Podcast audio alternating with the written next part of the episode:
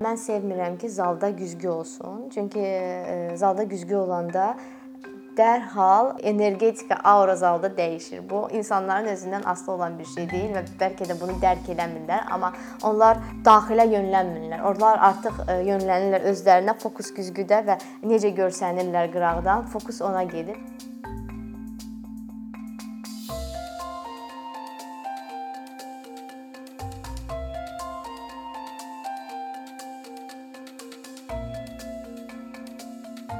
Rəqsin kökü tam ə, qədimlər ə, qədim dövrlərlə bağlıdır.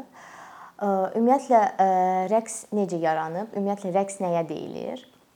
Qədim dövrlərdə insanlar düşünürdülər ki, onları idarə edən təbiətdir, təbiət ruhlarıdır. Və ona görə də ə, hərəkətlər, biz buna hal-hazırda rəqs deyirik, ə, bir çox ritualların parçası olub və bu çox məntiqidir. İnsanlar hərəkətləri, rəqsi ə, öz, özləri ilə və tanrıların arası ilə bir cürə körpü kimi görürdülər.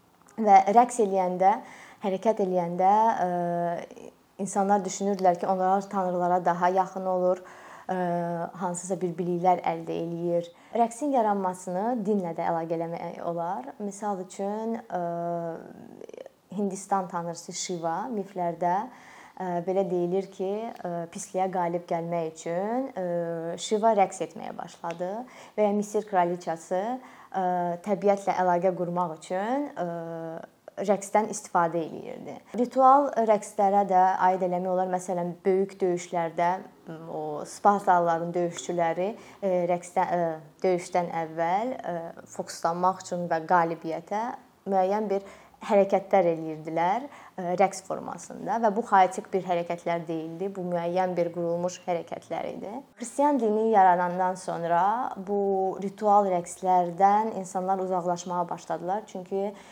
bunu bütpərəst rəqs kimi qəbul etməyə başladılar. Amma eyni zamanda Avropada belə bir axın yarandı.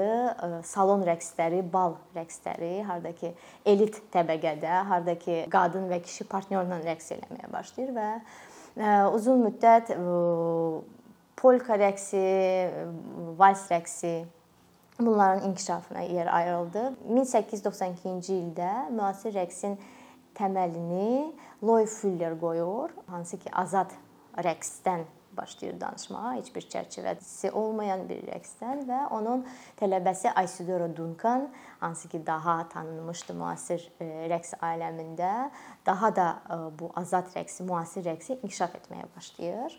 Ümumiyyətlə uzun müddət e, filosoflar bədəni inkar eləyirdilər və onlarda ancaq düşüncə idi. Və bu Nietzsche klassik e, fəlsəfəni demək olar ki, alt-üst elədi və onun hətta belə e, bir ifadəsi var ki, mən o tanrıya inanıram ki, hansı ki rəqs eləyə bilir. E, və ya sizin rəqs eləmədiyiniz günü hesab edin ki, siz yaşamamısınız. Və Nietzsche-dan ilhamlanan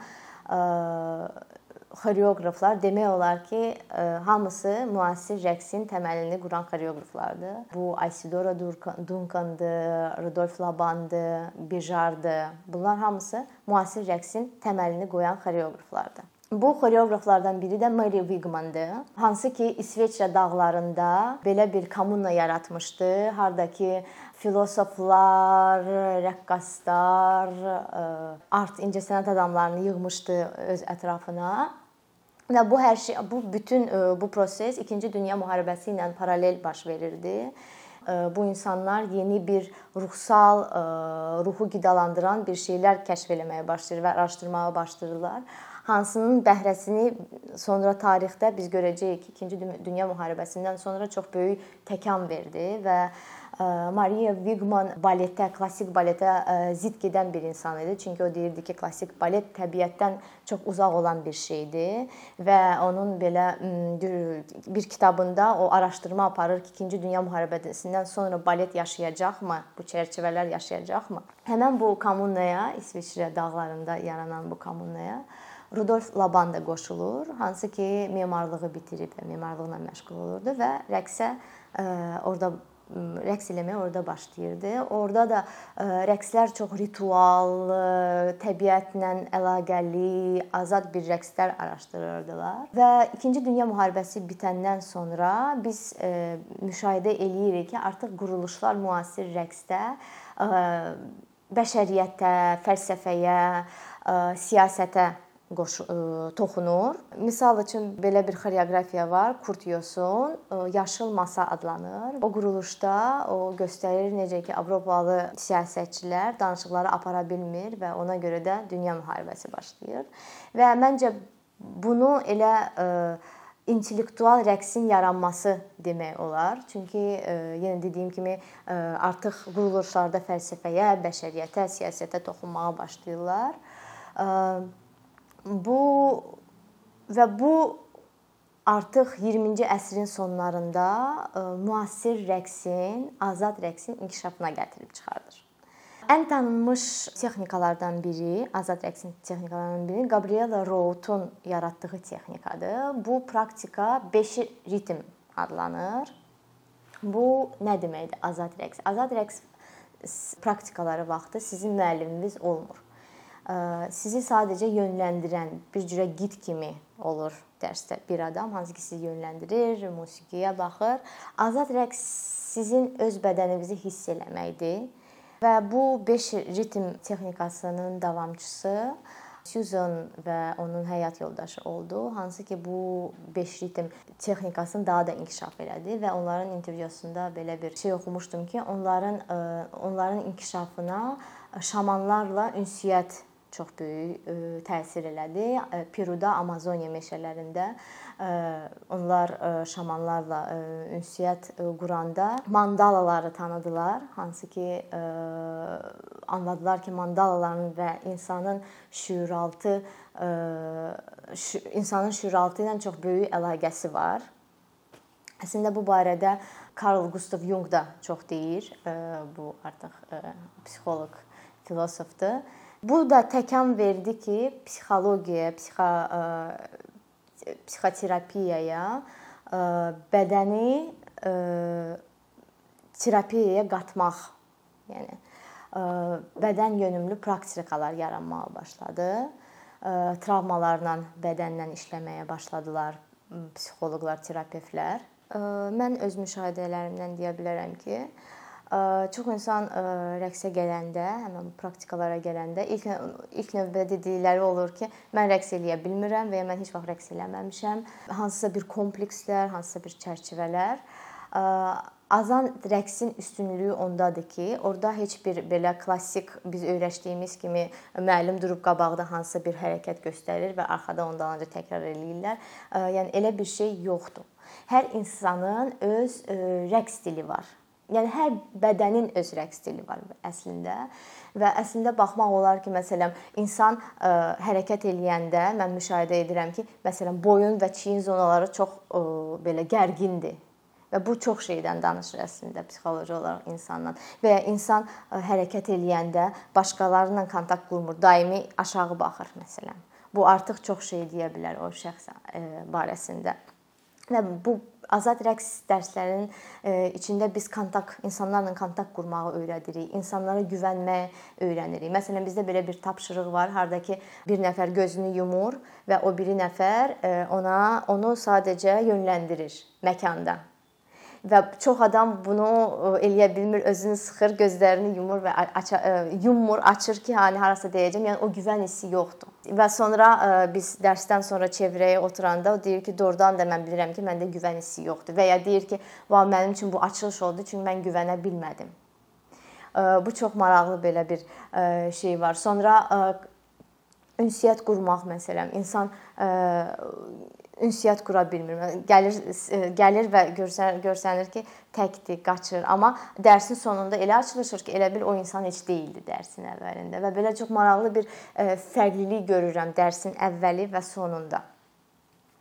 Rəqs özünü qəbul etməyə öyrənir. Öz bədənini qəbul olduğu kimi qəbul etməyə öyrədir azad rəqs. Yəni orada sən dərs vaxtı, bu praktika vaxtı öz bədənini araşdırırsan, öz bədəninin imkanlarını araşdırırsan, sən analiz edirsən. Məsələn, çox insan deyir ki, "Ay, heç mən bilmirdim ki, məsələn, mənim sağ ayağım, sağ tərəfim zəifdir, amma sol tərəfim güclüdür." Məsələn. Rəqs belə bu azad rəqs qısa bir terapiya kimidir insanların. Yəni həmişə dərsdən sonra o çevrədə soruşuram, siz nə hiss edirsiniz? Deyirlər azadlıq hissi.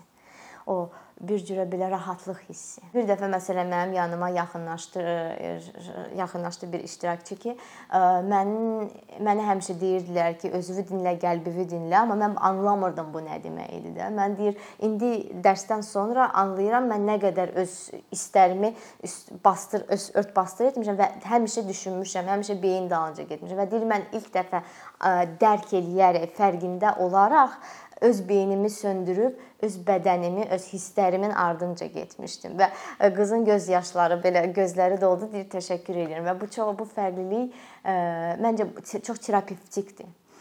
Bir dənə belə tapşırığımız var, hardakı dərsdə kollektiv işləyirik və ə, e, dərsin ortasında elə bil ə, iştirakçıların arasında əlaqə yaranır ki, ə, yəni demədən, sözsüz, verbal ol, verbal olmadan onlar bir-birlərini hiss eləməyə başlayırlar. Hansısa bir axına elə bil hamısı bir axınla gedirlər və bu çox ə, maraqlı bir şeydir. Əslində belə baxsaq, ə, elə o ne, necə dediyim kimi qədim dövrlərdə həmin bu var idi. Sadəcə inkişafla biz bunu itirmişdik. Çünki orada da bədən bədənləri ilə energetik olaraq bağlılıq var idi. Təbiətlə bir-birləri ilə qəbilənin içində və biz ondan hansısa bir zaman çox uzaqlaşmışdıq. Və həmin bu müasir azad rəqs bizi kökə qaytarır əslində. Və dərslərdə iştirak edən insanlar o bağlılığı hiss edir. Onlar anlamırlar necə, məsələn, heç vaxt görmədiyi insanla bu əlaqə yarım saat, 40 dəqiqə ərzində necə qurula bilər. Amma bu qurulur, bu energetik olaraq meditativ formaya çevrilir və bu meditativ forma energetik olaraq insanları bir-birinə bağlayır. Çox maraqlı birdir. Şəxsən mənim üçün azad rəqs meditasiyadır. Mən ə, e, yəni mən oturub o, o klassik meditasiyanı eləyə bilmirəm bir yerdə, amma bu rəqs zamanı ə, e, mən şüurumu söndürürəm və özümü axına təslim eləyirəm. Yəni bu bilmirəm necə baş verir, amma ə, e, müəyyən müddətdən sonra ayılıram ki, o 40 dəqiqə keçib ki, mən rəqs eləyirəm və doğrudan da belə bir rahatlıq, yenilənmə hissi gəlir mənə. Məsələn, elə dərvişlərin rəqsini götürək. O da hardan gəlir?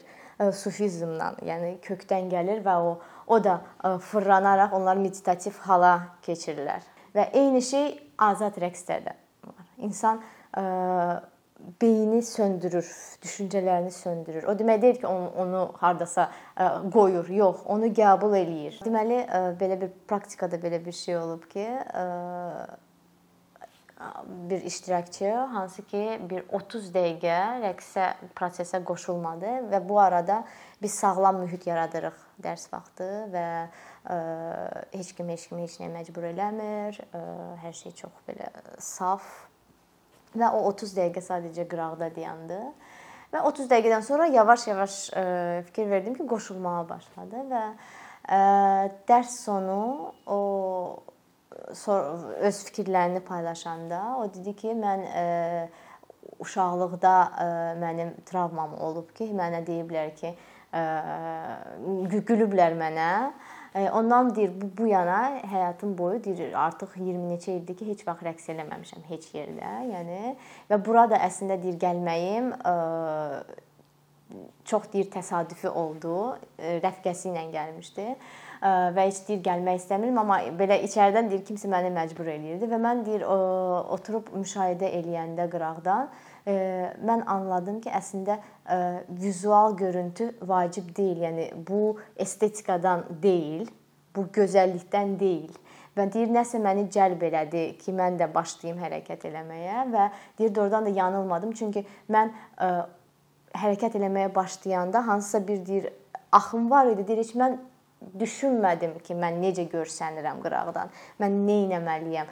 Necə eləyim ki, bu gözəl görsən? Deyir, o fikirlər heç məndə yox idi, amma mən həmişə kompleksdə idim ki, hə mən belə eləsəm mənə güləcəyəm. Burada deyir, bütün elə bil beyin söndü və sən sadəcə özünü bədəninə buraxdın, yəni və ə, deyir 20 neçə il rəqs eləməyə üçün bu çox belə böyük ə, çok ciddi atlımıydı.